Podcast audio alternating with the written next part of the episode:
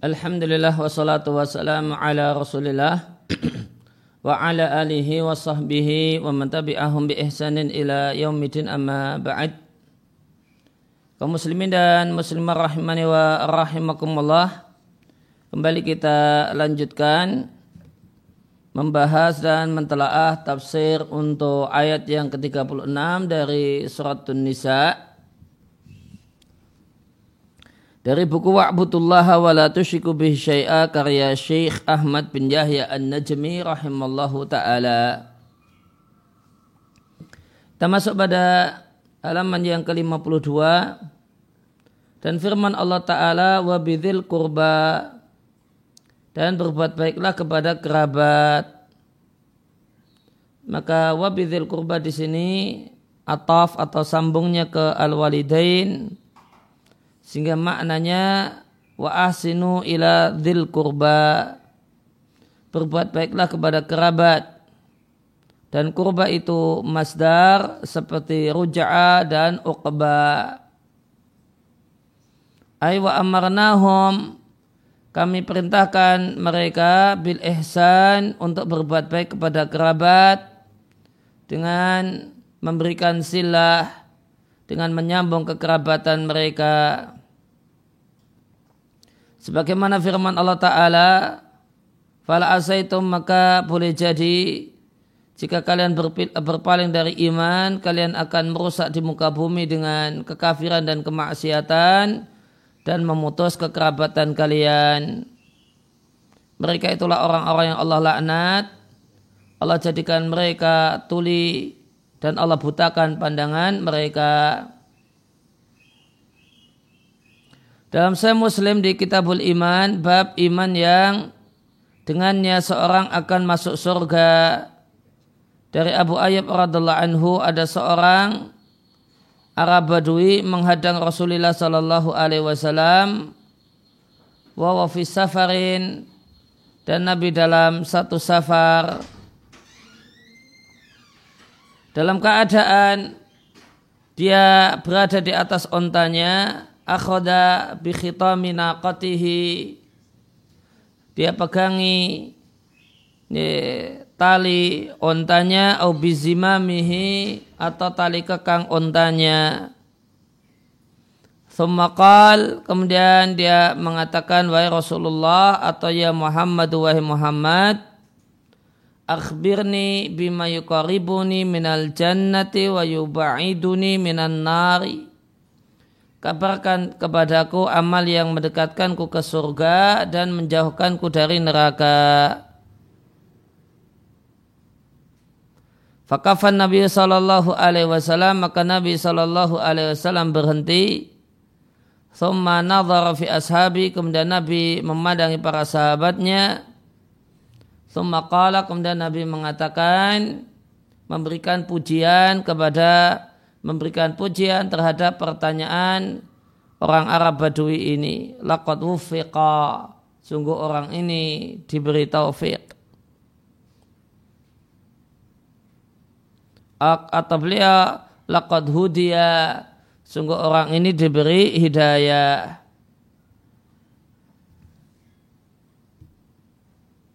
Terus saya ingin bacakan sarah untuk hadis ini dari kitab Al-Bahru Al-Muhid Al-Sajjad fi syarhi Sahih Muslim Ibn Hajjaj. uh,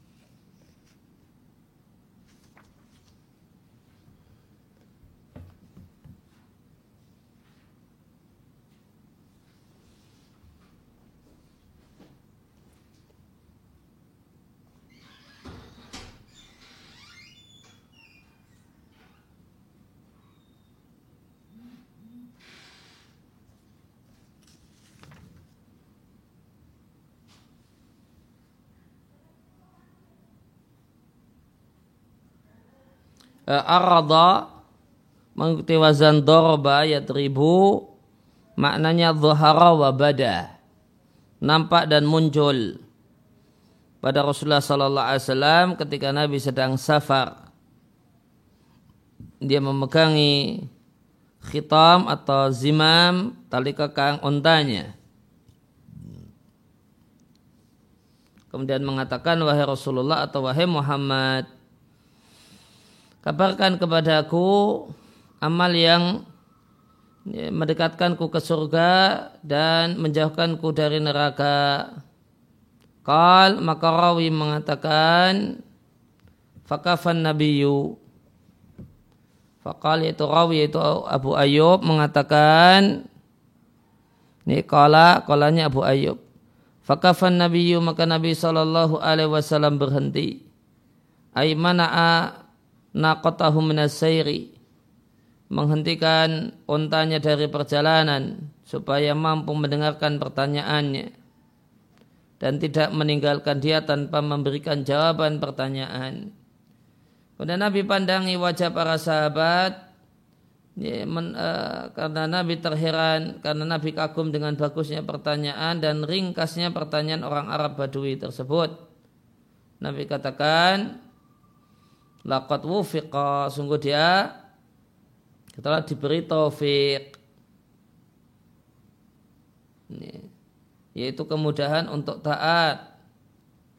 Ini taufik kebalikan dari khadilan kemudahan untuk melakukan maksiat. Laqad hudiya atau sungguh dia telah mendapatkan hidayah.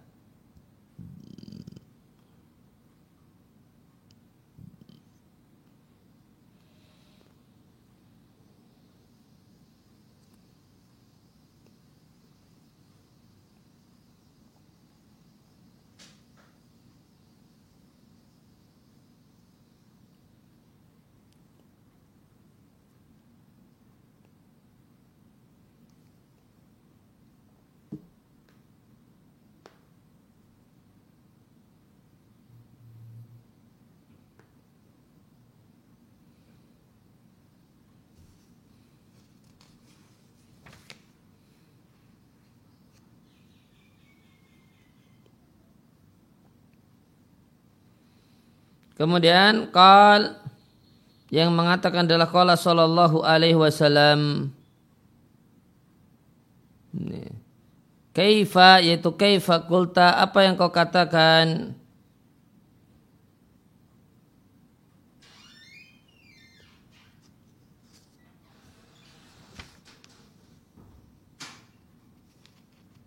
Qal uh, itu uh, di buku kita salah cetak itu.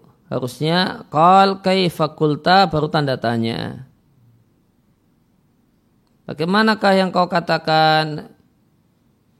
Kal kalatnya di sini kala Abu Ayyub. Kala sahabat Abu Ayyub mengatakan fa'ada maka orang Arab Badui tersebut mengulang pertanyaan maka jawab Nabi sallallahu alaihi wasallam, "Ta'budullah la tusyriku bi syai'a." Amal yang mendekatkan ke surga dan menjauhkan dari neraka adalah engkau menyembah Allah dan tidak menyekutukan Allah dengan sesuatu apa pun. Tentang makna menyembah Allah di sini ada dua versi penjelasan. Versi yang pertama mengatakan bahasanya yang dimaksud dengan ta'budullah artinya tuwahiduhu. Jika kita katakan ta'budullah maknanya tuwahiduhu mengisahkan kau isahkan Allah Subhanahu wa taala maka la tusyriku bihi syai'a adalah tafsiran wa ta'kidan lahu. Ya, maka la tusyriku bi syai'a itu adalah taukid, penegasan.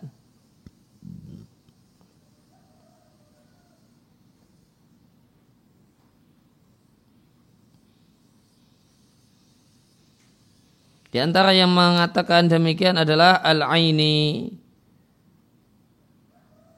Ta'budullaha ay tuwahiduhu. Ya. Makna yang kedua, Ta'budullah di sini maknanya ata'atu ma'al khudu'i.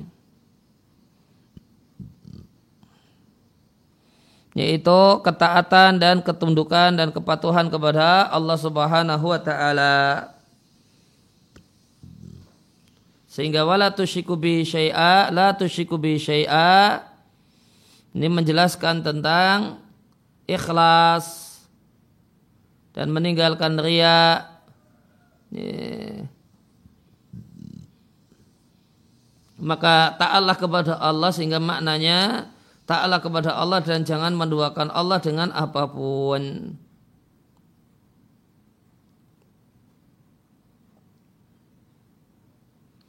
Di sini dijelaskan ada kalimat la tusyriku bi setelah ta'budu menimbang ibadahnya orang-orang kafir, orang-orang jeliyah, mereka menyembah Allah dan menyembah selain Allah. maka ibadah yang benar adalah menyembah Allah dan meninggalkan segala ibadah kepada selain Allah. Wa tuqimu salata engkau tegakkan salat. Kata Ar-Rahib Al-Asbahani tentang makna menegakkan salat. Iqamatu syai' idamatu fi'lihi wal muhafadu alaihi wa tawfiyatu haqqihi. Yang dimaksud dengan iqamatu syai' adalah rutin melakukannya dan tidak bolong-bolong dan melaksanakannya secara sempurna. Dan beliau katakan dan Allah tidaklah memerintahkan salat semata-mata memerintahkan dan tidaklah memuji salat kecuali dengan menggunakan kata-kata tegakkan.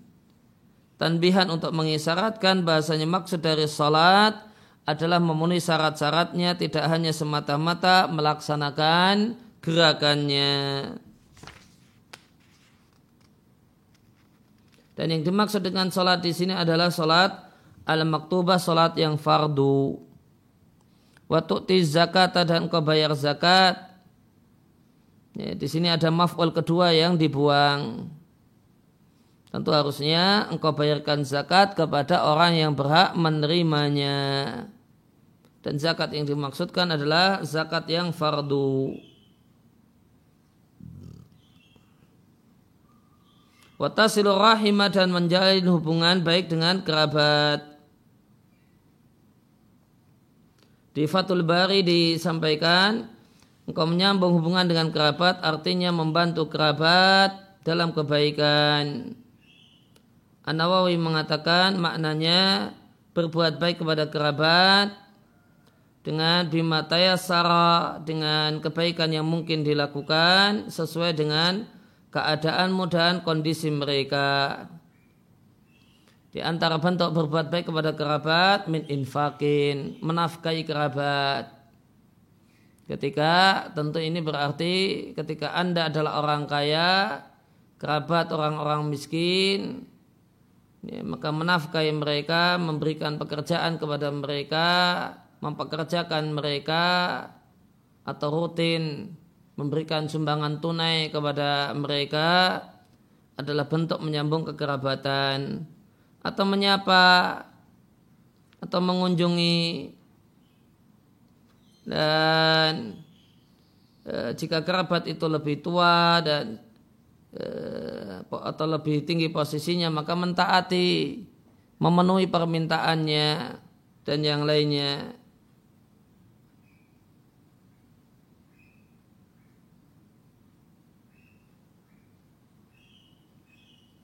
Kemudian Nabi katakan, Da'inna kota lepaskan onta itu. Artinya utrukha biarkan dia. Nabi mengatakan kalimat ini kepada orang Arab Badui tersebut karena tadi orang Arab Badui ini bertanya dengan Nabi sambil memegangi tali kekangnya supaya dia bisa bertanya tanpa susah. Setelah Nabi memberikan jawaban, maka Nabi katakan kepadanya, ya sudah dilepas lagi tali kekangnya.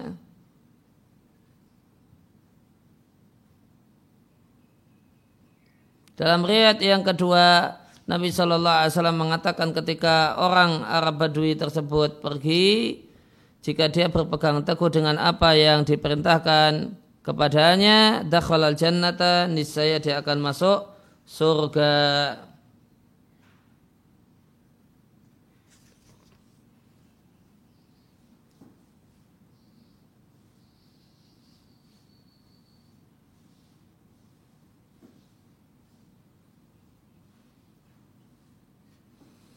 Maka di antara kandungan uh, hadis ini ya tentu di antara kandungan hadis ini adalah uh, Nabi sebutkan amal-amal yang mendekatkan ke surga dan menjadi sebab masuk surga. Yang pokok dan yang jadi kunci adalah mengesahkan Allah, mengesahkan Allah dan salat kemudian zakat. Demikian juga di antara amal yang mengantarkan ke surga adalah silaturahim, menjalin hubungan baik dengan kerabat yang betul-betul kerabat punya hubungan darah dengannya. Kemudian di sini menunjukkan bolehnya e, minta fatwa dalam keadaan posisi di atas kendaraan.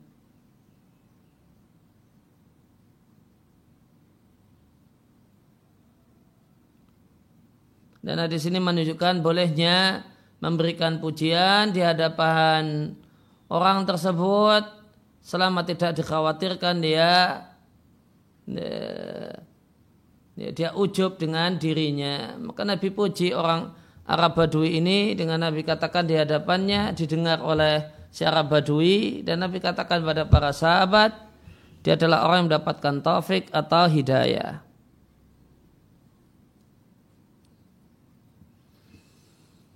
Nah, kembali ke buku tadi perkataan Nawawi e, ketika mensarah hadhil fakrah poin ini tadi telah kita baca.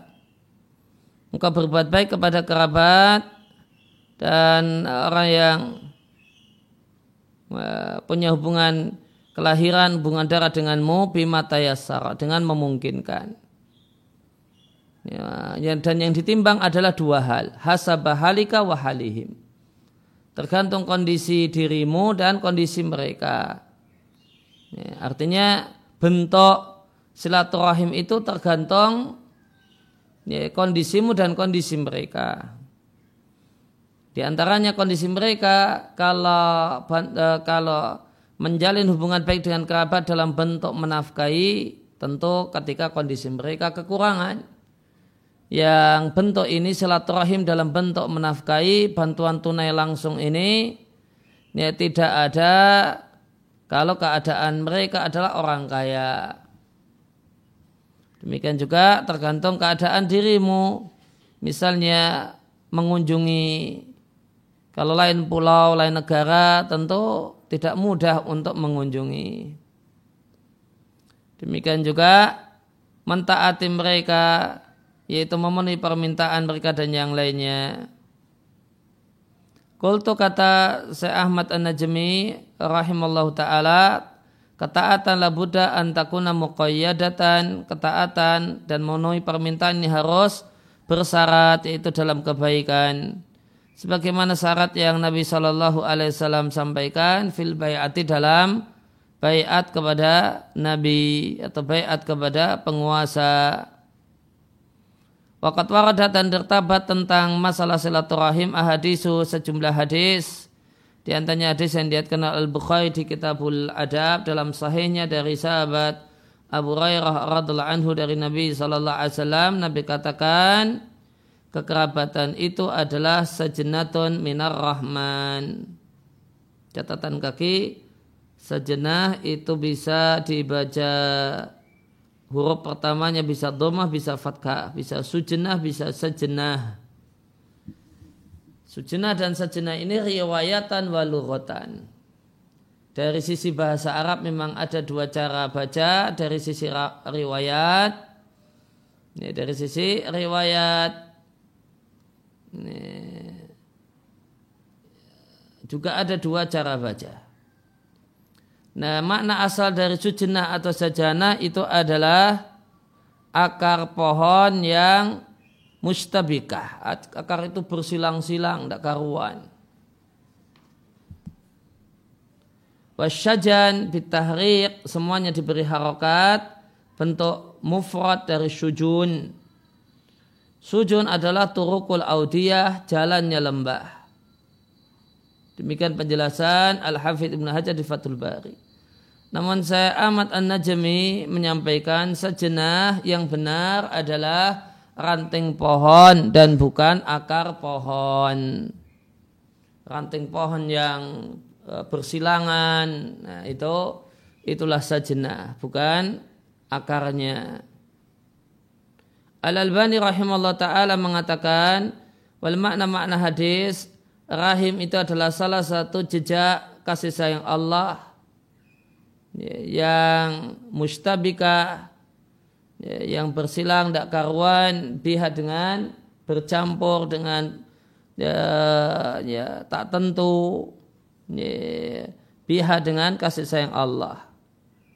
Oleh karena itu al-qati' laha orang yang memutus kekerabatan adalah orang yang putus dari kasih sayang Allah.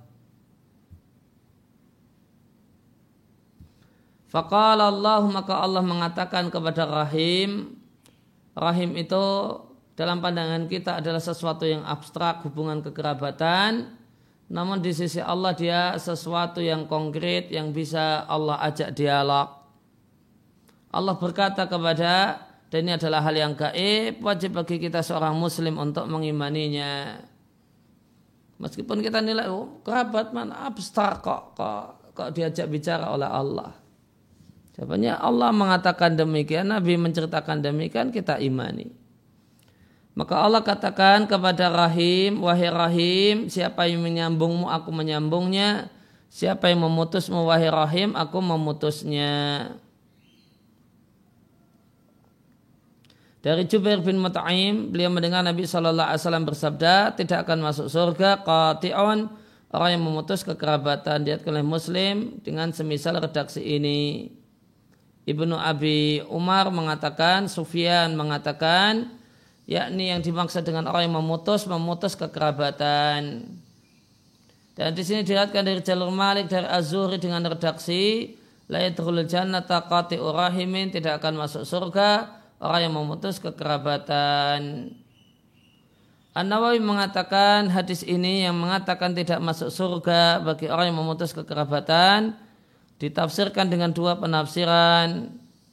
Yang dua penafsiran ini juga berlaku dalam untuk hadis-hadis yang semisal yang telah dibahas di Kitabul Iman dalam Sahih Muslim. Maka dua tafsiran ini untuk berlaku untuk semua hadis-hadis yang sejenis. Yang pertama hamluhu kita hamal kita tafsirkan tidak masuk surga itu berlaku untuk orang yang menghalalkan tindakan memutus kekerabatan tanpa alasan tanpa dan dia memutus kekerabatan tanpa subhat tanpa dalih yang bisa diterima. Padahal dia tahu haramnya memutus kekerabatan.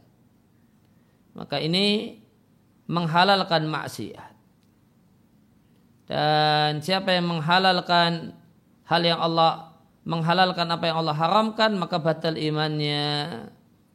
Sehingga orang ini orang kafir yukhalladu finnar kekal di neraka dan tidak masuk surga abadan sama sekali. Kemudian tafsiran yang kedua makna hadis dia tidak akan masuk surga fi awalil amri di rombongan yang pertama bersama asabiqin orang-orang yang langsung masuk surga. Namun dia yu'aqab diberi hukuman bita akhurihi dengan diakhirkan waktu dia masuk surga seukur yang Allah inginkan karena dia harus mampir di neraka untuk mendapatkan hukuman sesuai dengan kadar yang Allah tentukan. Nah, kata saya Ahmad An-Najmi dikatakan ada wahuna kata wilun thalithon ada tafsiran yang ketiga yang mengatakan tidak masuk surga artinya tidak akan masuk surga yang derajatnya tinggi yang disediakan untuk orang-orang yang beriman al-abrar yang betul-betul bertakwa. Dan dia masuk setelah mendapatkan adab masuk mendapatkan adab sementara di akhirat di, di neraka kemudian dia akan masuk surga taliqu bi amalihi yang layak dengan amalnya. Dan itu bukan surga yang tinggi wallahu a'lam. Thumma kemudian bahasanya silaturahim itu sebab lapangnya rezeki dan panjangnya umur. Dalam sahihain saya beri dan saya muslim dari Anas radhiallahu anhu marfu'an sabda Nabi, Nabi SAW mengatakan siapa yang ingin dilapangkan lahu rizkuhu, rezekinya wa yunsa'ulahu fi atharihi, dipanjangkan umurnya, faliyasil rahimahu. Maka hendaklah dia menyambung hubungan baik dengan kerabatnya.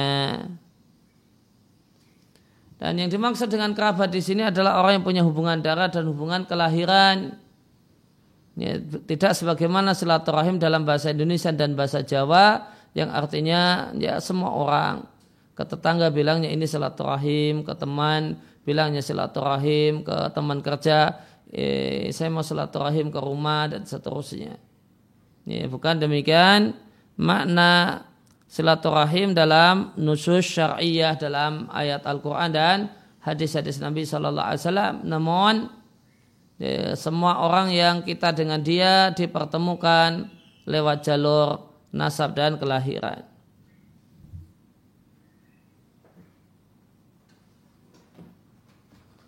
Dijelaskan oleh Syekh Ibnu Taimin rahimallahu taala semisal di uh, di tafsir surat Al-Baqarah ya, di antaranya di ayat yang ke-83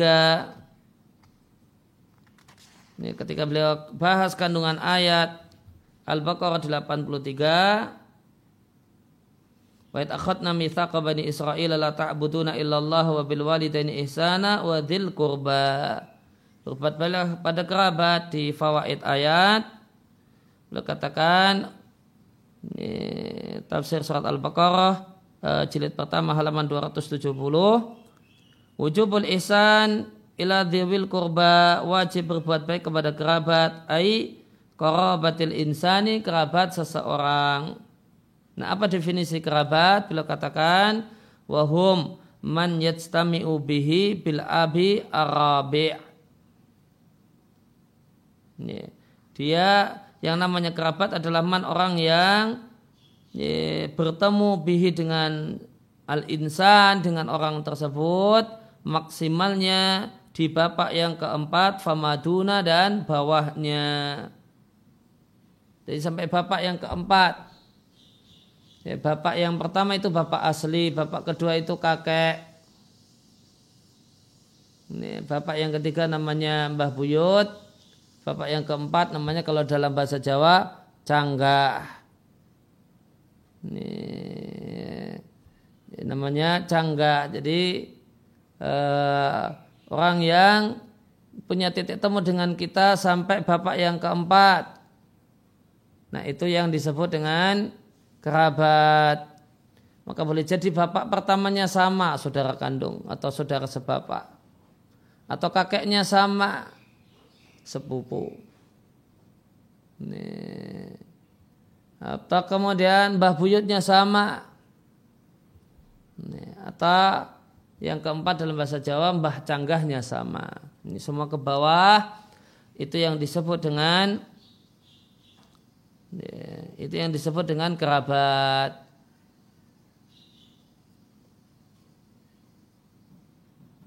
Dan jika uh, demikian definisi kerabat dan menyambung hubungan baik dengan kerabat itu satu hal yang diperintahkan, maka semestinya ya, masing-masing ya, dari kita itu hafal nasabnya sampai bapak yang keempat.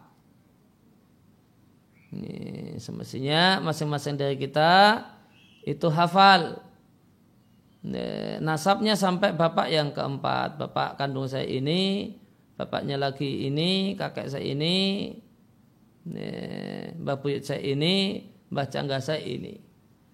Nah, sehingga eh, jika bertemu dengan orang di kereta dan yang lainnya kenalan, nah, ngobrol sampai bisa oh ternyata punya ketemu nasab di ya, bapak yang keempat atau bapak yang ketiga, maka oh ini saudara. Ini, karena ini wasilah untuk silaturahim. Tidak seorang tidak bisa silaturahim tanpa tahu nasabnya, eh, tanpa tahu siapakah kerabatnya. Dan dia akan tahu kerabatnya kalau dia hafal nasabnya sampai bapak yang keempat. Sehingga semestinya masing-masing dari kita uh, itu berupaya untuk tahu ya, nasabnya sampai bapak yang keempat.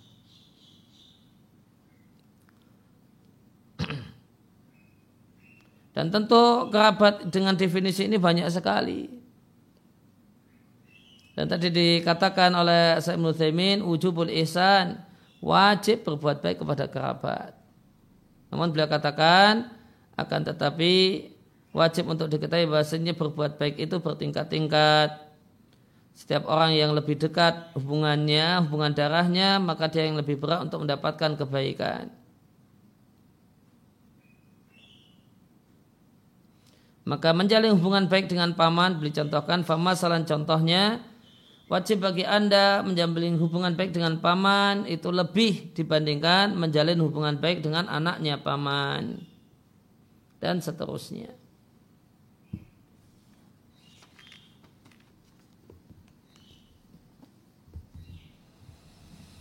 Uh, lanjut ke buku wa fil hadisi aydan di hadis disebutkan as-sadaqatu ala dawil kurba sedekah kepada kerabat itu nilainya dua sodaqaton wasilatun sedekah dan menjalin hubungan baik dengan kerabat diatkan oleh An-Nasai dari Salman ibn Amir. Kemudian selanjutnya Allah Ta'ala berfirman wal yatama dan berbuat baik kepada anak yatim.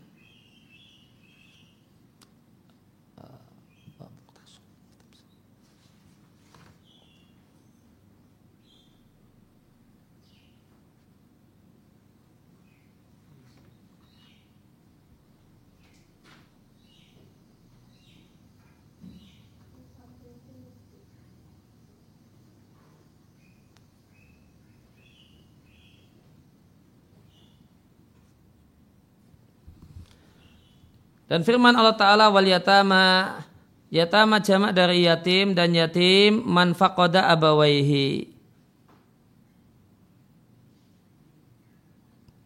Ya, di sini uh, hal yang menarik kita jumpai umumnya penjelasan yang kita dapatkan kita baca yatim itu adalah yang kehilangan bapaknya. Namun kalau saya amat an-najmi kehilangan ibu, ibu meninggal dunia itu termasuk yatim.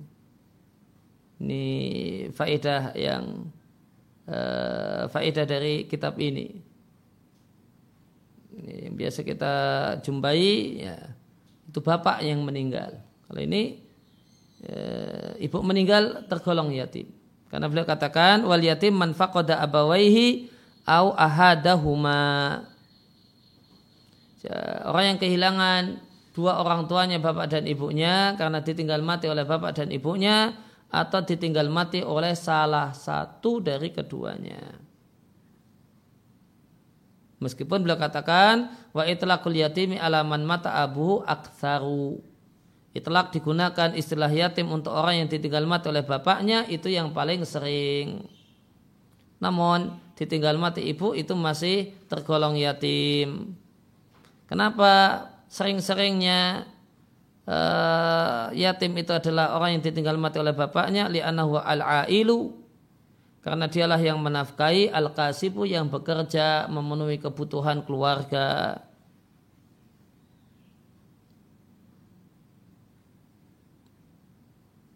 Nah, apa dasar uh, definisi yatim demikian? Nah, Nanti ini ada ada catatan kaki tiga ini yang perlu kemudian ditelusuri lebih lanjut. Wa ma'arafahu bi Ibnu Jaririn inilah definisi yatim yang dibawakan oleh Ibnu Jarir atau Bari fi tafsirihi di tafsirnya. Ini, ini jilid yang keempat halaman 80 ketika menafsirkan ayat yang ke-36 oh, 36 dari berarti ini dari surat An-Nisa. Nanti bisa dicek lebih lanjut. Dan Allah Subhanahu wa taala memotivasi untuk memuliakan anak yatim wakafalah dan uh, menanggung anak yatim, menanggung kebutuhan anak yatim. Dan Allah ancam orang yang mendolimi anak yatim dan tidak menunaikan hak anak yatim bahkan malah memakan harta anak yatim. Allah Subhanahu wa taala berfirman di surat Al-Balad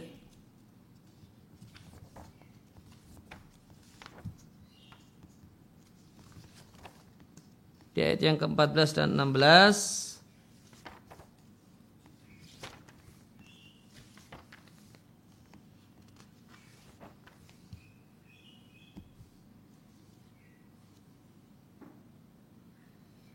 au it'amun fi yaumin di masghobah. Atau memberi makan di hari di masghobah. Maknanya di tafsir miyasar yaumi di maja'atin syadidatin. Hari kelaparan yang sangat. Dan wallah alam termasuk hari kelaparan atau hari banyak orang lapar adalah semacam keadaan wabah corona di masa sekarang ini orang banyak yang kehilangan pekerjaan atau tidak memungkinkan kerja maka dan ini masih belum menentu kapan berakhir. Jika sampai kemudian berjalan dua bulan ke depan maka banyak orang kelaparan yatiman da maka robah ya, kalau di tafsir muyasar yatiman mata abu wa nah, ayahnya meninggal dunia dan dia masih anak-anak Da makaroba artinya min dawil korobah. Anak yatim berbuat baik kepada anak yatim yang masih kerabat. Anaknya ya, boleh jadi sepupu atau anaknya sepupu.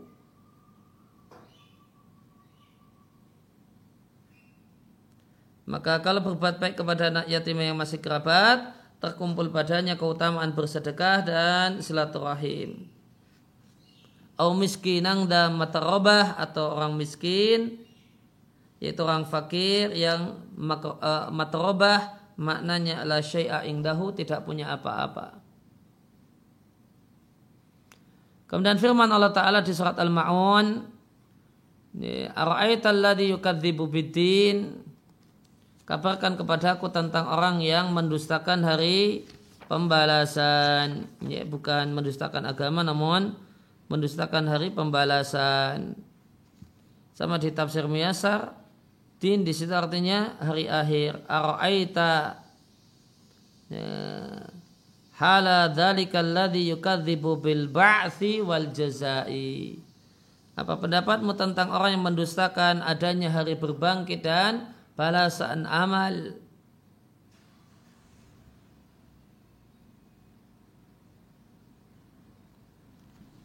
Fadalika yadu'ul yatim dimaknai dengan itulah orang yang mendorong anak yatim. Anak yatim Allah di mata abuhu wa kembali ditegaskan yang mati bapaknya dalam keadaan dia masih kecil.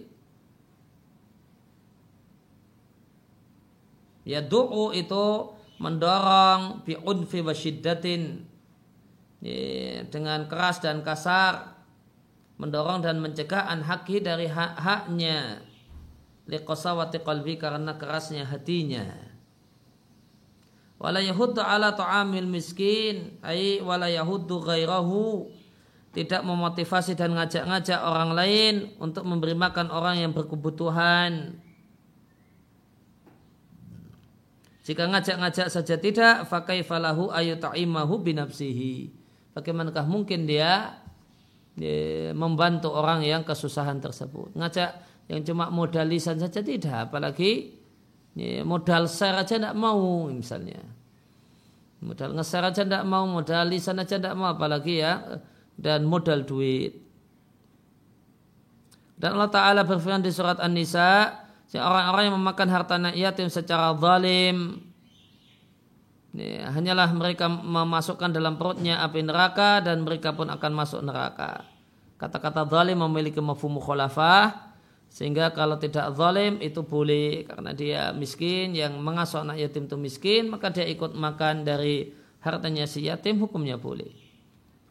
Dan Allah Ta'ala berfirman, dan mereka bertanya kepadamu tentang anak yatim, yaitu tentang gimanakah manajemen harta anak yatim. Maka Allah katakan, Kul islahul lahum khair. Jika engkau melakukan perbaikan untuk mereka itu satu hal yang baik.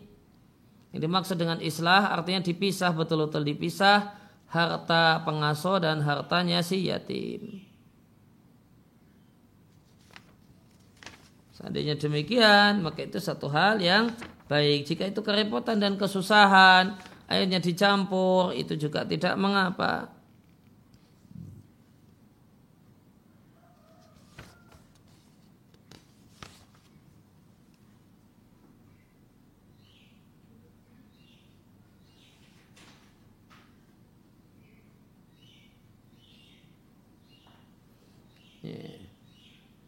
Uh, lengkapnya ayat wa yas'alunaka 'anil yatama mereka bertanya kepada wahai nabi tentang anak yatim kembali didefinisikan alladzina mata abuhum wa hum duna sinil buluri orang yang ditinggal mati oleh bapaknya dan dia belum balik Bagaimanakah uh, melakukan tindakan bersama mereka dalam masalah harta mereka? Kul, jawablah, berikanlah jawaban pada mereka, islah hukum lahum khairun. Jika kalian memperbaiki harta mereka itu yang lebih baik, artinya lakukanlah yang terbaik bagi mereka daiman selalu. Wa in tukhalituhum jika engkau campur bercampur dengan mereka, kau campur hartamu dengan harta mereka dalam segala urusan penghidupan, maka mereka adalah saudaramu dalam agama. Wallahu ya'lamul mufsida minal muslih dan kewajiban saudara memperhatikan maslahat saudaranya. Allah mengetahui al-mufsid. Yang dimaksud dengan al-mufsid adalah al-mudayyi' li amwalil yatama yang menelantarkan anak harta anak yatim. Wal muslih dan Allah tahu siapakah muslih yaitu yang antusias untuk memperbaiki hartanya anak yatim. Walau sya Allah la'anatakum maknanya seandainya Allah berkehendak niscaya Allah akan menyusahkan menyusahkan kalian dengan mengharamkan mencampur harta anak yatim dengan harta pengasuhnya. Innallaha azizun hakim. Allah dat yang maha perkasa lagi dat yang maha uh, bijaksana. Dalam hadis Nabi Shallallahu Alaihi Wasallam mengatakan, aku dan orang yang merawat anak yatim fil jannati hakada di surga demikian diat Imam Ahmad, Bukhari, Abu Dawud, Tirmidzi dari Sahal Ibn Sa'ad. Dari Aisyah radhiallahu anha Nabi sallallahu alaihi wasallam mengatakan, aku dan orang yang uh, merat anak yatim, baik itu anak yatim itu lahu kerabatnya, auli ghairihi ataukah murni orang lain. Itu fil jannati di surga dan wasai dan orang yang bersusah payah untuk berbuat baik kepada para janda dan orang-orang miskin itu seperti mujahid di jalan, seperti orang yang berjihad di jalan Allah.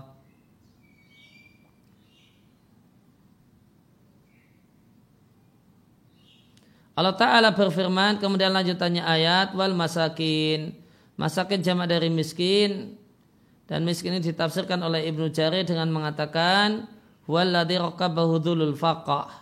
Dia orang yang tertimpa kehinaan karena kemiskinan dan kebutuhan. Ya. Fatum sikuhunna. Maka kebutuhan itulah itulah yang mencegah mereka, menahan mereka sehingga tidak bisa beli ini dan itu, tidak punya ini dan itu. Oleh karena itu Allah Ta'ala Ta'ala dzikruhu mengatakan Istausu bihaula Ya, terimalah wasiat terhadap mereka orang-orang miskin dengan berbuat baik kepada mereka. Empatilah kepada mereka. Walzamu dan tidaklah kalian senantiasa memegangi wasiatku untuk berbuat baik kepada mereka. Dan orang miskin yang paling miskin, yang betul-betul miskin bukanlah orang yang minta-minta. Kalau orang itu orang itu tidak punya namun dia ngemis dan minta-minta, ya, ngemis dan minta-minta maka banyak orang yang bantu adapun orang yang miskin namun dia tidak minta-minta inilah yang berpeluang untuk tidak diketahui kalau dia adalah orang yang kekurangan Dan maka miskin yang sempurna miskin adalah yang demikian. Dia miskin namun dia tidak minta-minta sehingga banyak orang mengira dia kaya dan berkecukupan. Kotwaro terdapat dalam tafsir tentang uh, tafsir tentang penjelasan siapakah itu orang miskin. Satu hadis yang mengatakan bukalah miskin orang yang atau waf yang keliling-keliling yaitu pengemis yang keliling-keliling alati tarutu al-luqmatu wal yang satu suapan atau dua suapan itu uh, mengusirnya ya, ya, dia diusir ya, karena dia ngemis ngemis ya, dia cuma minta satu atau dua suap namun diusir ditolak. Satu butir korma ataukah dua butir. Intinya miskin yang hakiki bukan orang yang miskin kemudian ngemis. Karena Ya meskipun dia ditolak di, di, di satu atau dua orang, dia diberi oleh orang yang ketiga, orang yang keempat sehingga tercukupi. Nah miskin yang hakiki itu adalah orang yang tidak punya namun tidak mau minta-minta. Walakin al miskin, akan tapi miskin yang hakiki adalah Allah dilai salau ghinan yurnihi. Dia tidak memiliki kekayaan yang mencukupinya sehingga dia uh, namun layuf tanulahu namun tidak diketahui kalau dia itu miskin. Kalau diketahui kalau dia itu miskin, fayatasadaqu alih ada orang sedekah padanya. Ya, dia ndak orang tidak punya, namun dia pintar menyembunyikan kemiskinannya, sehingga tidak ada orang yang tahu kalau dia itu orang yang kekurangan. Walayakumu faiz alunasa dia juga bukan orang yang berdiri untuk jalan minta-minta sama manusia. Nah ini miskin yang sempurna deritanya. Dia ada orang yang miskin, tidak menampakkan secara lahiriah kalau dia miskin. Namun dia ketika ketemu orang terlihat gagah, eh, tegar, maka orang ngira kalau dia kenyang padahal dia orang yang lapar. Nah ini orang yang miskin yang sesungguhnya.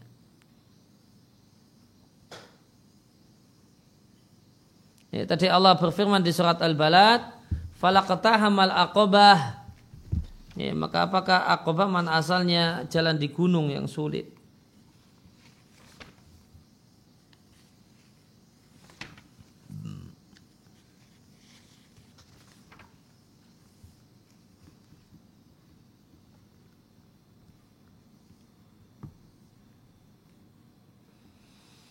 Namun makna yang dimaksudkan sebagaimana di tafsir Al-Muyassar Fala iktamal aqobah fahala. Hendaknya tajawaza masyaqqatal akhirah dia lewati kesusahan akhirat dengan dia menginfakkan hartanya sehingga dia fayamanu sehingga dia mendapatkan rasa aman. Di akobah e, tajawaza di mana dengan melewati dan menempuh. Al akobah maknanya jalan sulit naik ke gunung dimaknai dengan kesulitan akhirat apa itu? Wama adrokamal akobah tahukah engkau apa itu kesulitan akhirat? Wa ayusyain ala? Maka apa yang kau ketahui tentang kesulitan akhirat? Dan alat bantu apa yang bisa digunakan untuk bisa melewatinya? Nah kesulitan akhirat dan kiat untuk bisa melewati kesulitan akhirat adalah fakku rokobah memerdekakan budak atau memberi makan ketika kondisi kelaparan atau berbuat baik kepada yatim yang masih jadi kerabat atau orang miskin yang uh, betul-betul tidak punya. The matroba uh, kembali ke buku makna the matroba itu iltasaqo badannya nempel dengan debu karena karena fakir, karena hajat dan karena maskanah, maskanah kehinaan. Ay adalatu al hajah kebutuhan itu menghinakannya sehingga dia digambarkan menempelkan badannya ke debu wallahu a'lam. Kemudian ayat selanjutnya wa wal jaridil kurba dan tetangga yang dekat. Yang dimaksud dengan tetangga yang dekat adalah tetangga yang punya terhubung denganmu, e, terhubung kekerabatan dan rahim. Demikian tafsiran tersebut sahih dari Ali bin Abi Talha, Mujahid dan yang lain. Dan faedah dikhususkannya tetangga yang dekat yaitu tetangga yang jadi kerabat karena Allah ya, dikhususkan dengan Allah mendahulukannya dalam wasiat karena tetangga yang kerabat ini punya tiga hak hak tetangga hak muslim hak kerabat wal jaridil junubi dan tetangga yang jauh adapun tetangga yang jauh maknanya al jaru al ba'idu angka tetangga yang jauh darimu dalam nasab Jauh dari nasab artinya tidak ada antaramu dengan dia korobatun kekerabatan. Demikian ya, nas penjelasan dari Mujahid dan yang lainnya sebagaimana dilihatkan oleh Ibnu Jarir dalam tafsirnya. Dan syariat Islam memberikan wasiat untuk berbuat baik kepada tetangga wa akadahu dan ya, menegaskan ala haqqihi kathira sering kali menegaskan hak tetangga di antaranya adalah dalam hadis yang diatkan oleh Bukhari dan Muslim, Rasulullah Shallallahu Alaihi Wasallam menyampaikan, siapa yang beriman pada betul-betul beriman pada Allah dan hari akhir, maka adalah dia memuliakan tamunya. Siapa yang betul-betul beriman pada Allah dan hari akhir, adalah dia memuliakan tetangganya. Dan siapa yang betul-betul beriman pada Allah dan hari akhir, faliyakul khairan awliyasmud hendaklah dia berkata yang baik atau diam.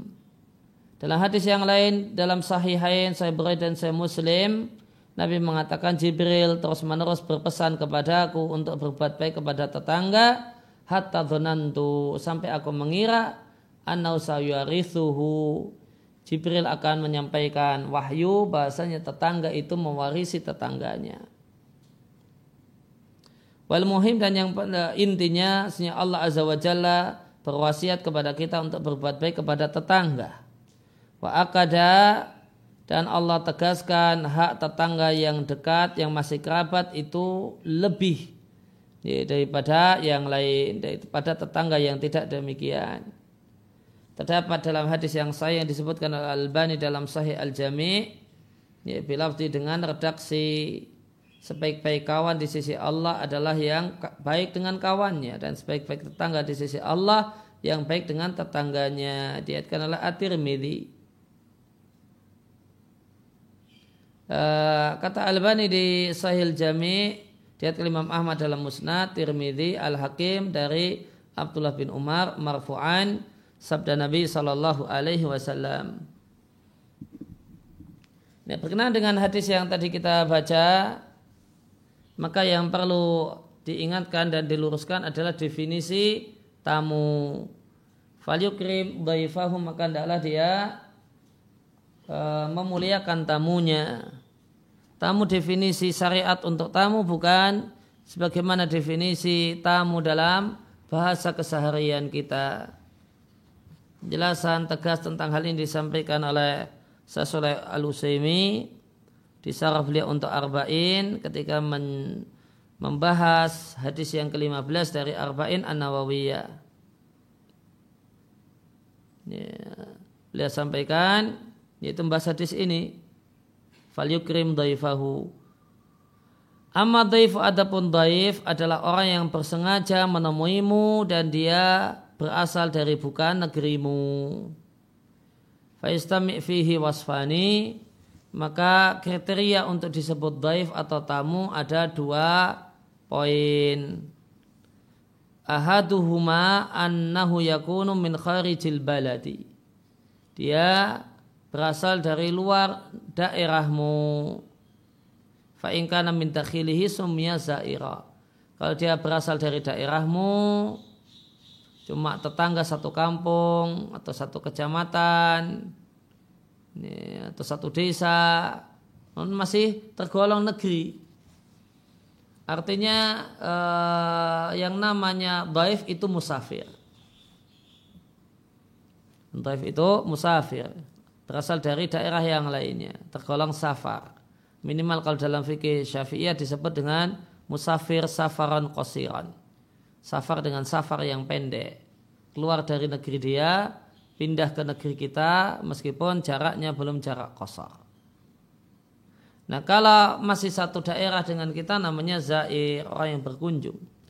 Kemudian yang kedua, annahu yakunu mutawajian ilaika dia itu datang dari tempat yang jauh bersengaja untuk menemuimu.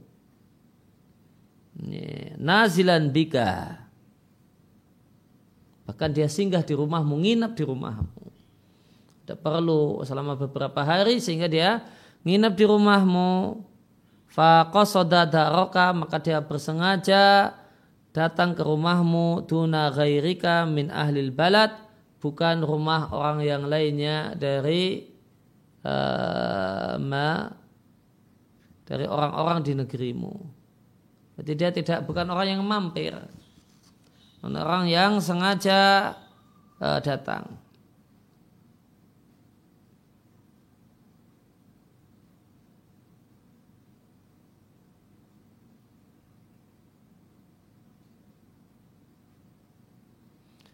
Maka orang yang terkumpul padanya dua kriteria ini namanya daif.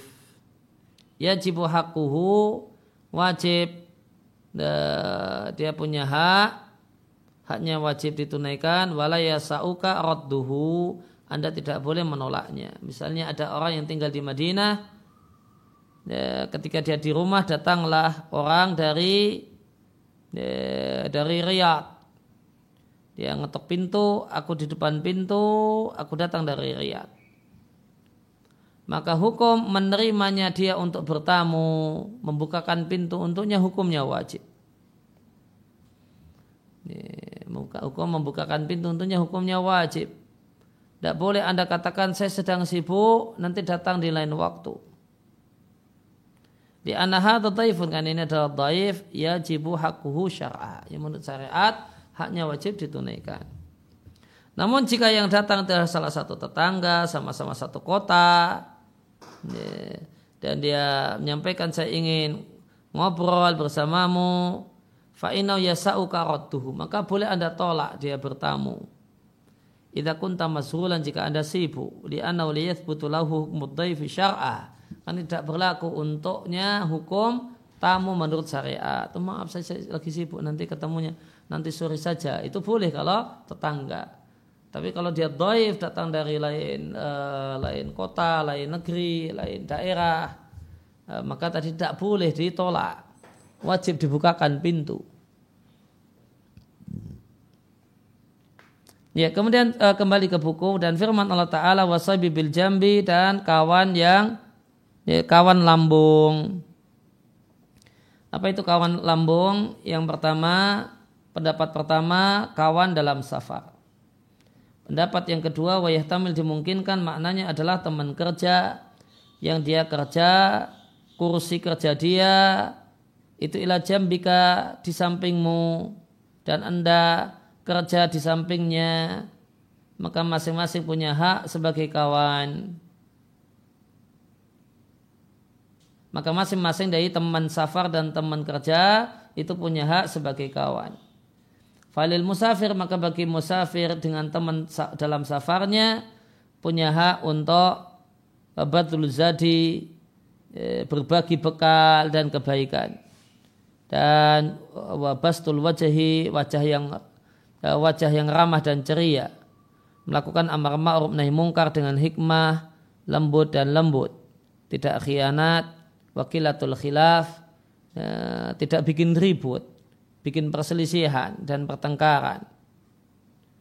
Ya, wa'adu min dhalika dan mereka para ulama menghitung termasuk hak kawan adalah kasratul mizah adalah sering guyon namun tidak dalam perkara yang dimurkai oleh Allah Subhanahu wa taala. Adapun zamil berarti tadi apa? Zamil teman kerja maka haknya adalah kita berbuat baik kepadanya, berwajah yang ceria, watarati anil hafawat. Tutup mata dengan e, kekeliruannya. Dia berbuat salah, namun dianggap tidak salah. Selama itu bukan maksiat. Ini, maka di antara hak kawan, kawan kerja, demikian, jika demikian kawan kerja, apalagi istri, apalagi suami maka di antara haknya adalah atarati anil hafawat. Kesalahan dan kekeliruannya tidak dilihat, meskipun lihat. Namun tidak di ya, tidak didengar meskipun dengar. Ada perkataan yang tidak menyenangkan dianggap sebagai angin lalu.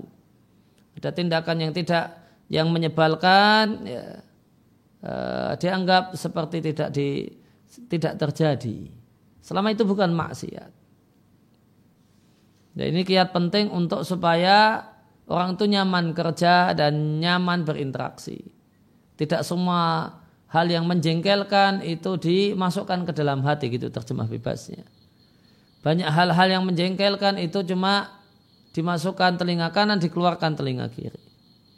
Kemudian amar ma'ruf nahi mungkar dan tolong menolong dalam taat kepada Allah Subhanahu wa taala. Pendapat yang ke kedua atau jadinya yang ketiga yang dimaksud dengan kawan lambung adalah istri. Istri punya hak yang wajib ditunaikan oleh suami. Ini, sebagaimana suami punya hak yang wajib ditunaikan oleh istri. Hak istri yang wajib ditunaikan oleh suami. Suami memberi makan istri dengan apa yang dimakan oleh suami. Memberi pakaian pada istri.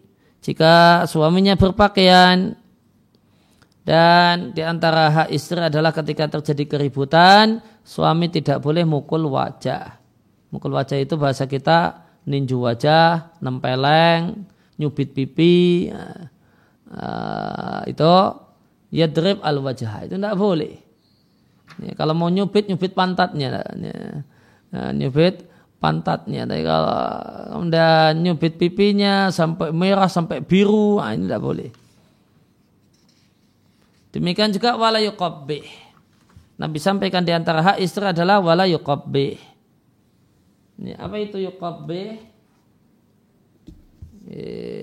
Dia tentang makna yuqabbih kita jumpai perkataan Al-Hafidh Al-Mundiri di At-Tarhib At-Tarhib ketika menjelaskan hadis Nabi di antara hak istri adalah wala tuqabbih. Janganlah engkau jelekkan istri. Ai kata beliau, kata Al-Hafidh Al-Mungdiri, la tusmi'uha al-makruha. Janganlah engkau perdengarkan ke telinga istrimu perkataan yang tidak dia sukai. Apa itu? Cacian, sumpah serapah. Ya. Maka jengkel dengan istri boleh manusiawi. Namun hak istri wajib ditunaikan. Ya, jangan mencacinya. Ya, jangan mengumpatnya. Ya, nyebut hmm, nama hewan atau apa dari nama hewan yang paling eh, ya, sederhana, jangkrik atau yang lainnya. Atau kemudian nama minuman bajigur atau nama buah-buahan asem atau yang lainnya. Ya, ya, jengkel silakan jengkel namun hak istri jangan diperdengarkan cacian. Cacian sumpah serapah. Ya, dan beliau katakan atau beliau lebih tegaskan uh, yang pertama tadi jangan perdengarkan al makruha kata-kata yang tidak nyaman. Ya, kemudian dipertegas lagi beliau katakan wala tush, uh, dan janganlah mencacinya. Wala tushbidha kemudian yang ketiga wala takul qabbahakillahu. Jangan jangan katakan karena jengkel semoga Allah burukkan dirimu atau wajahmu atau bibirmu atau pipimu dan kalimat-kalimat yang lain dan semisal.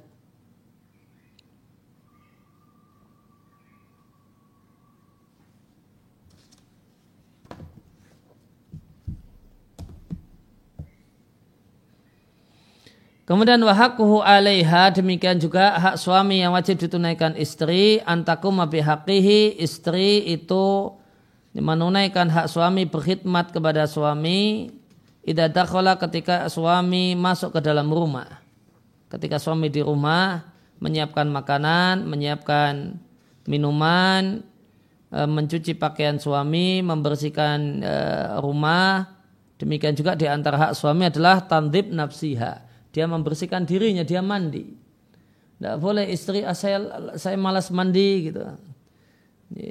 Sehingga suami mencium bau tidak bau keringat dari badan istrinya ketika suami ini tidur bareng. Ini satu tempat tidur dengan istrinya. Ini tidak benar. Istri ini tidak menunaikan hak suami.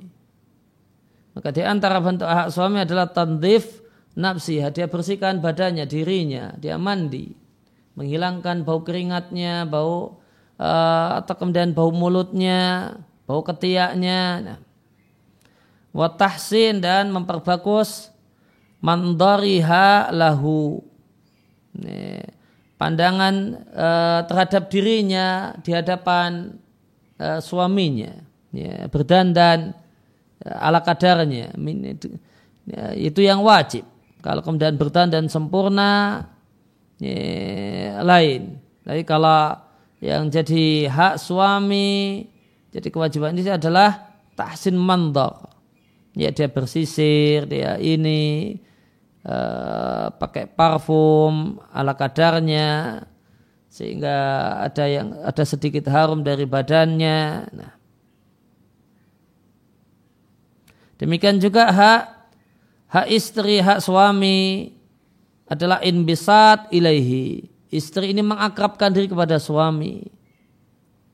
Ya, di antara bentuknya, bentuk praktisnya ya bermanja-manja sama suami, nempel-nempel. Nah uh, atau kemudian ngejak ngobrol suaminya wahakuhu alaiha dan hak suami atas istri ketika suami meninggalkan rumah ketika safar dia menjaga dirinya harta suami dan anak suami dalam hadis yang saya Nabi Shallallahu Alaihi Wasallam mengatakan saat uh, dalam khutbah beliau di Arafah saat hajatul wada Nabi berkata kepada para suami Bertakwalah kalian kepada Allah tentang istri kalian. Wastausu bihinna khaira. Terimalah wasiatku, bersikaplah baik kepada mereka. Fa innahunna maka sunya mereka istri itu bagaikan tawanan di tempat kalian. Kenapa disebut tawanan? Karena tawanan itu lepas dan merdekanya tergantung yang menawan. Sana kamu pergi, ya pergi. Nah istri itu disebut tawanan karena talak itu di lisan suami. Kalian mengambil istri dengan amanah dari Allah dan kalian halalkan kemaluannya dengan firman Allah. Lakum kalian punya hak yang wajib ditunaikan oleh istri. Mereka tidak membawa masuk furusyakum ke rumah kalian seseorang yang tidak kalian sukai, baik laki-laki ataupun perempuan. Maka di antara hak suami ketika suami mengatakan kepada istri, saya tidak suka tetangga si fulanah itu main ke sini. Kalau dia main ke sini, dia cuma ngajak ngerumpi. Jangan kamu terima dia bertamu. Dan jika dia melakukan hal tersebut, maka kalian boleh memukul istri dengan pukulan yang tidak menyakitkan. Dan istri punya hak yang wajib ditunaikan oleh kalian para suami rizkuhuna yaitu kebutuhan makannya, wa kiswatuhuna kebutuhan pakaiannya dipenuhi bil ma'ruf dengan kadar yang pantas. Kemudian firman Allah Ta'ala wa bani sabil dan berbuat baiklah kepada musafir. Yang dimaksudkan adalah musafir yang ita inqata abi azadu. Ketika kehabisan bekal, kemudian dia bekal di masa silam itu bekal makanan. Sehingga dia perlu ila irfat. Irfat maknanya adalah diafah jamuan makan. Ini irfat di catatan kaki adiafa jamuan makan wal ikram dan pemuliaan wal aun dan bantuan wal muasa dan bantuan maka wajib bagi kaum muslimin untuk membantunya dan membantunya dan memberinya bekal yang bisa mengantarkannya ke tempat amannya itu tempat tujuannya Kemudian ayat selanjutnya wa malakat aimanukum dan berbuat baiklah kepada yang kalian miliki. Artinya berbuat baiklah kepada yang kalian miliki boleh jadi dia adalah manusia yaitu budak atau hewan peliharaan. Terdapat dalam hadis husnul malakati minal iman.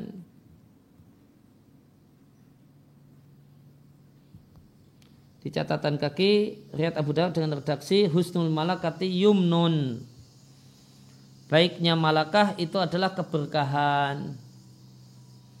Kalau berdasarkan konteks uh, yang kita baca maka malakah di sini maknanya adalah sikap baik kepada yang dimiliki. Budak atau hewan peliharaan yang dimiliki itu bagian dari iman. Dalam Sunan Abi Dawud Nabi katakan man la ma'akum min mamalikikum. Budak yang kalian cocoki berilah makan dari yang kalian makan, beri pakaian dari yang kalian pakai. Budak yang tidak kalian cocoki jual saja. Jangan dipertahankan namun hobi disiksa. La tu'adzibu khalqallahi. Jangan siksa makhluk Allah. Yula'imukum ayyafikum yang cocok dengan kalian. Maka tunaikan haknya. Dalam saya Muslim dari Abu Hurairah radhiallahu anhu dari Nabi sallallahu alaihi wasallam, Nabi katakan, lil mamluki budak itu memiliki hak diberi makan, diberi pakaian dan tidak dibebani pekerjaan ilama yutiku kecuali yang dia mampu. Jika demikian budak apalagi cuma karyawan. Tentu lebih-lebih lagi. Tidak boleh diberi beban pekerjaan yang di luar kemampuannya.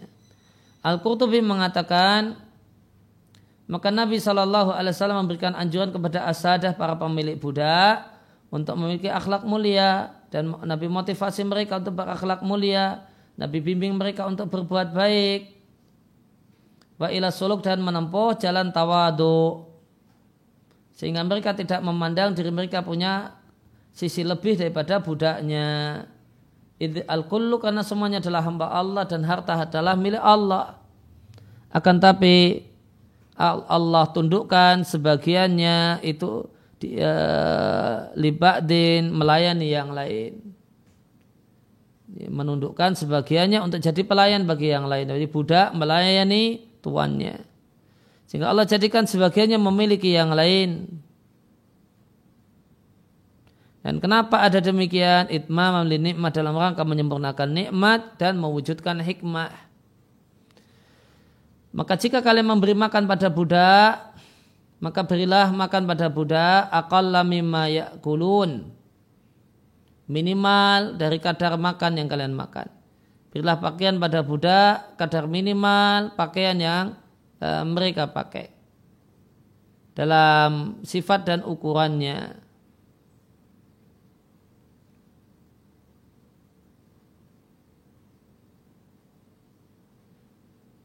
Jika kalian beri makan dengan kadar minimal yang mereka makan, kalian beri pakaian pada budak itu kadar minimal yang mereka pakai dari sifat dan ukuran jaza dalik itu sudah boleh.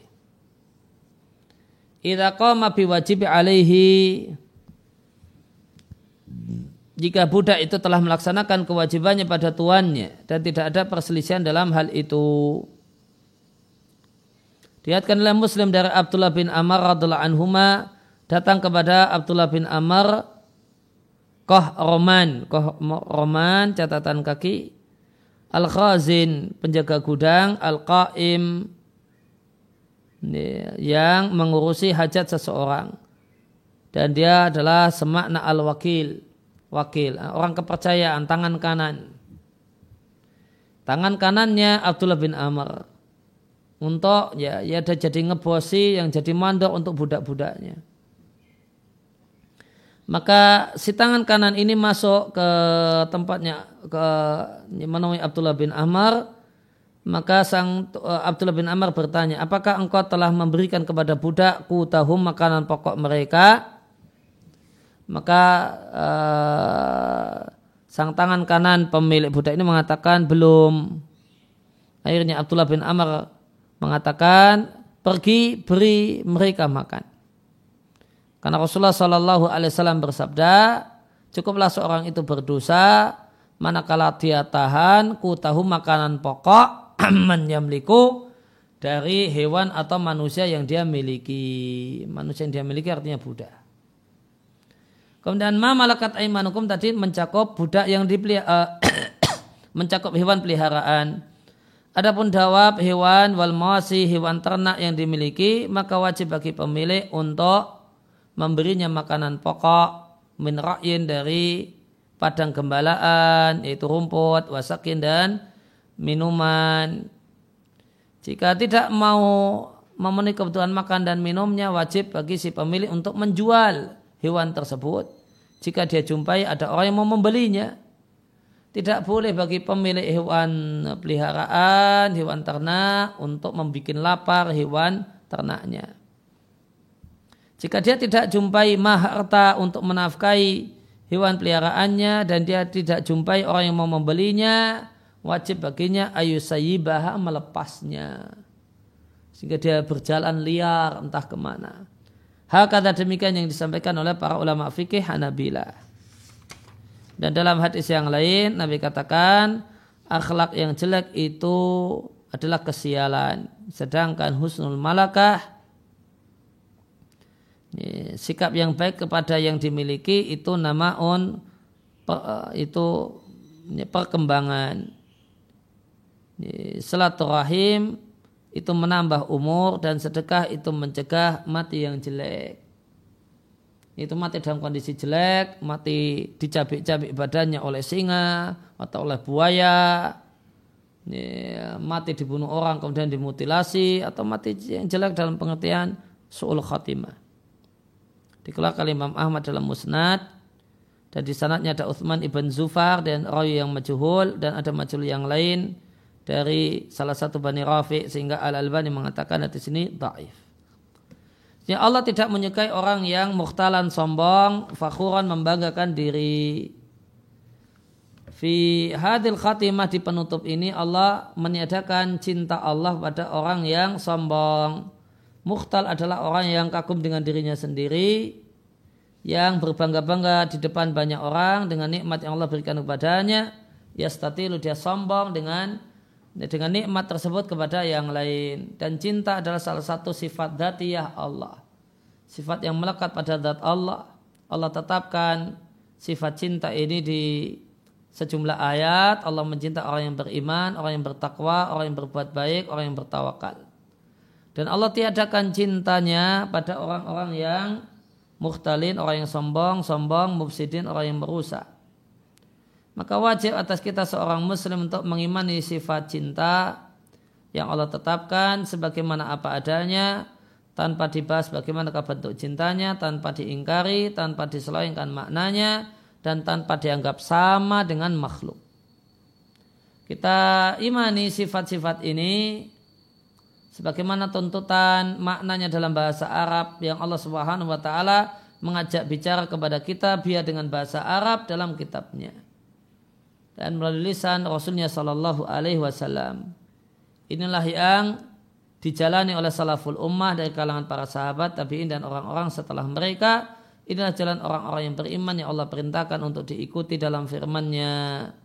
Siapa yang menentang Rasul setelah jelas baginya petunjuk yaitu ilmu dan dia mengikuti bukan jalan orang-orang yang beriman, kami palingkan dia ke mana dia berpaling. Wa nuslihi jahannama. Dan kami masukkan dia ke neraka. Dan itu adalah sejelek-jelek tempat kembali. Ya, ala nabiyina Muhammadin. Semoga Allah menyanjung nabi kita Muhammad, keluarganya, sahabatnya dan memberikan keselamatan tasliman katsira. Dengan keselamatan yang banyak intaha sekian disampaikan oleh Ahmad bin Yahya An-Najmi rahimallahu taala dan demikian yang kita baca ya, tafsir uh, ayat yang ke-36 dari surat An-Nisa. Mudah-mudahan jadi ilmu yang bermanfaat untuk kita sekalian, memberikan pencerahan, uh, menambah pengetahuan dan membuahkan amal. Ya Allah ma'alim nama yang fa'na wa fa'na bima alam tanah wa zidna ilma wa sallallahu ala nabina Muhammadin wa ala alihi wa salam wa rada'ana alhamdulillahi rabbil alamin. Ya.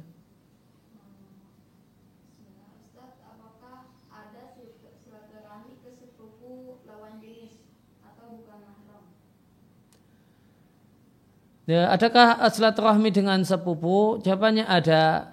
Ya, tentu jika dia lawan jenis, tentu, tentu uh, dan karena ini bukan mahram, tentu memperhatikan adab-adab terhadap lawan jenis. Ya, ya, dan terhadap lawan jenis yang bukan mahram. Nah. Waalaikumsalam.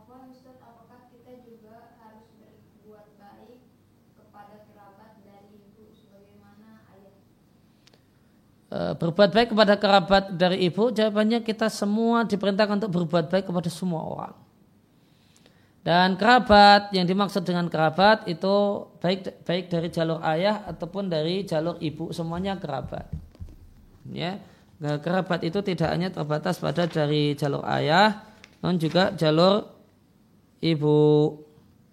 Eh, sebagaimana kata saya Utsaimin di tafsir beliau untuk Al-Baqarah 83 ketika menjelaskan di kurba